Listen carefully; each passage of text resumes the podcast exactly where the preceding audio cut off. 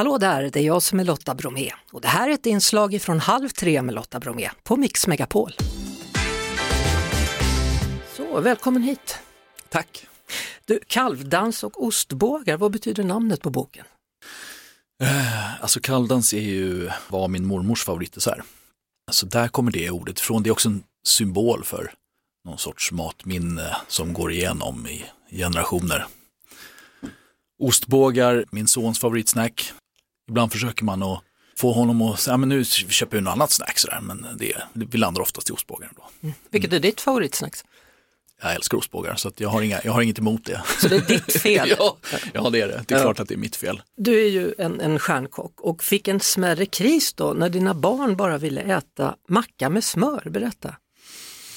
Jag hade inte gjort min läxa, jag hade inte pratat med så många föräldrar. Så att, eh, jag hade tagit ut segern i förskott. Jag kände bara, wow, jag har, min son äter allt, jag har lyckats. Alla puréer jag gjorde och även det fasta födan som jag lagade började han liksom äta med god aptit och tyckte det var toppen.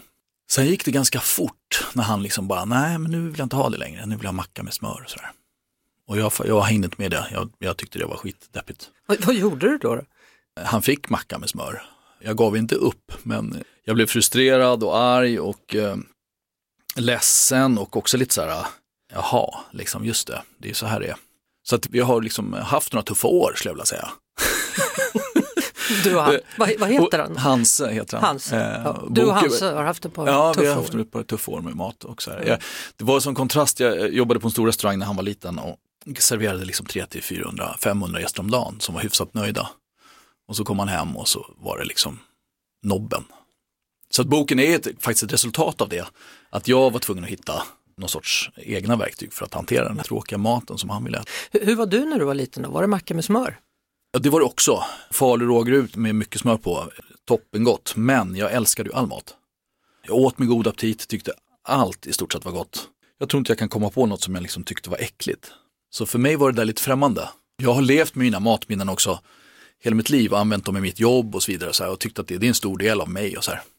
Jag tänkte att det här kommer bli likadant för honom. Men eh, så var det inte. Så var det inte. Nej. Nej. Hur, hur, gör man för att få barnen att känna sig mer delaktiga i matlagningen och, och gilla mer än macka och smör? Ja men alltså det handlar väl om att eh, inte ge upp och eh, fortsätta utsätta dem för, för mat över tid. Och inte liksom agera som jag, bli frustrerad, arg, stressad, eh, vita knogar. Så här. För det är liksom det sämsta receptet på aptit. Så det handlar egentligen om att, att släppa sina egna föreställningar? Ja, verkligen. Det var ju dig du var frustrerad på egentligen och ja. inte den stackaren. Nej, det är inte, den, inte stackars Hanses fel. Nej. Så det handlar ju verkligen om ett arbete man får göra själv. Så, så vad, är, vad är dina bästa råd? Hur gör man? Fortsätta laga mat som du själv tycker är god. Bra om någonting på matbordet är någonting som ditt barn kan äta. Ät den andra maten med god aptit, mm, tyck att det är gott, för till sist så kommer barnet att smaka. I alla fall funkade det så med Hanse. Ja, men jag kan väl smaka den där buljongen då i alla fall till musslorna. Den var ju god. Sen fem gånger senare så smakade han också en mussla och upptäckte att den var ju också god. Och nu är det en av hans favoriträtter. Försök njut själv av mat och om ditt barn äter lite grann bara så gör inte det hela världen och eh, man kan försöka få i dem mat vid andra tillfällen. Också. Behöver det vara avancerad mat? Nej, verkligen inte. Vi lagar väldigt mycket enkel mat hemma och vi lagar också väldigt mycket halvfabrikat också, alltså köttbullar och korv och sådär. Mm. Så att det, vi sitter inte på någon hög gastronomisk stol hemma på något sätt utan det är väldigt mycket vardag också. Hur viktigt är det att barnen är med redan från början, kanske redan när man är och handlar ingredienser? Ja, precis. Det är en stor del som jag tycker är superhärlig och viktig vi kommer ju liksom mer och mer bort från det där att det dimper ner en kasse vid dörren och så, där, så plötsligt står det eh, mat på bordet. Och jag tror att det är jätteviktigt för barnen att få vara med från början. Man behöver inte handla alltid med sina barn för det kan ju också vara väldigt jobbigt. Men känner du att du har lite energi över och lite mer tid än kvart i fem. Ta med dina barn, kläm och känn, så här, prova, prata om, eh, ja men nu är det oktober, kolla här alla pumper. Eller hur många kolsorter finns det? Gå till fiskdisken, kolla så här, ja, åh vad är det där för läskigt? Ja men det där är en bläckfisk. Hans eh, fick med sig en guldfisk hem, en rökt, eh, alltså en böckling. Han tyckte den var fantastiskt fin. Färgen var ju helt fantastisk. En guldfisk liksom. Och sen så kom vi hem och så tyckte han inte alls den var god. Då fick vi prata om rökt fisk. Och vi, eh, jag fick en god liksom böcklig macka och vi hade haft en ganska kul eftermiddag på, i butiken. Liksom. Ja, jag trodde först du menade att det var en riktig, alltså en vanlig nej, guldfisk och att han tog med den hem och sen så helt plötsligt sa han så här, ja, kanske ska pröva att laga den här idag pappa. Då hade det blivit jobbigt. Ja, det hade blivit jobbigt, ja, precis. Nej, men så, äh, butik är, är ju jättebra, då lägger man också grunden, någon sorts nyfikenhet. Att klämma och känna och prata om det och så liksom lägga upp på bandet, betala och sen packa. Så kommer man hem, då har man liksom vunnit det. Den här spetsskålen är ju kanske mer spännande att smaka på då när den väl hamnar på bordet.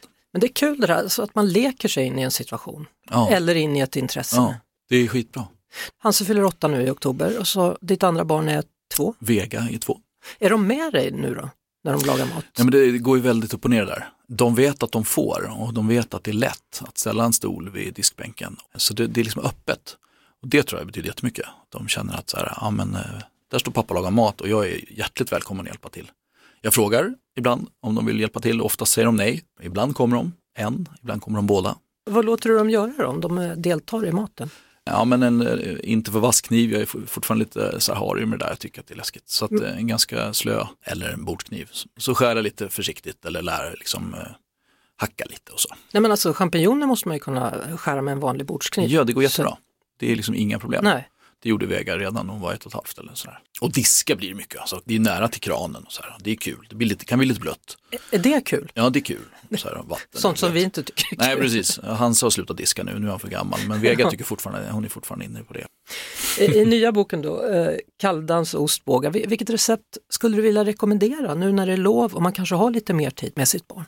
Ja men det ska man ju använda sig av den här säsongen. Prata om pumpa innan och jag tror att det är jättekul att gå och köpa en pumpa. Det ska man göra då en om man vill hålla på med den där högtiden så kan man göra det. Och sen kan man ju laga mat på en. Man kan göra en jättegod soppa med smak av apelsin. Den kan man ta med sig ut om man vill i termos. Eller så gör man en eh, pumpa och bönchili hemma med lite mer kryddor och lite mer smak som får koka några timmar. Man får följa den utvecklingen, se hur den blir mustig. Liksom. Använda saker i säsong tycker jag är, är härligt för då är det också lättare att prata om maten.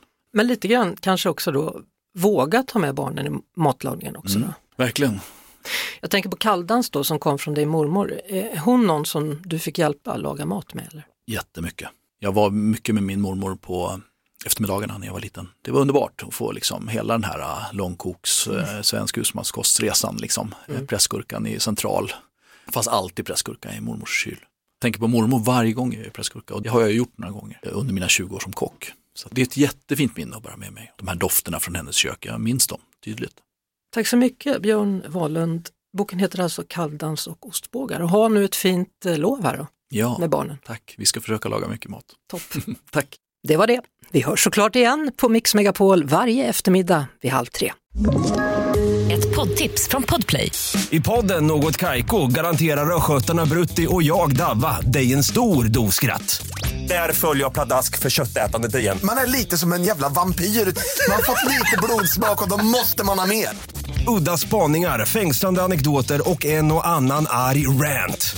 Jag måste ha mitt kaffe på morgonen för annars är jag ingen trevlig människa. Då är du ingen trevlig människa, punkt. Något Kaiko, hör du på Podplay. Därför är gardinerna.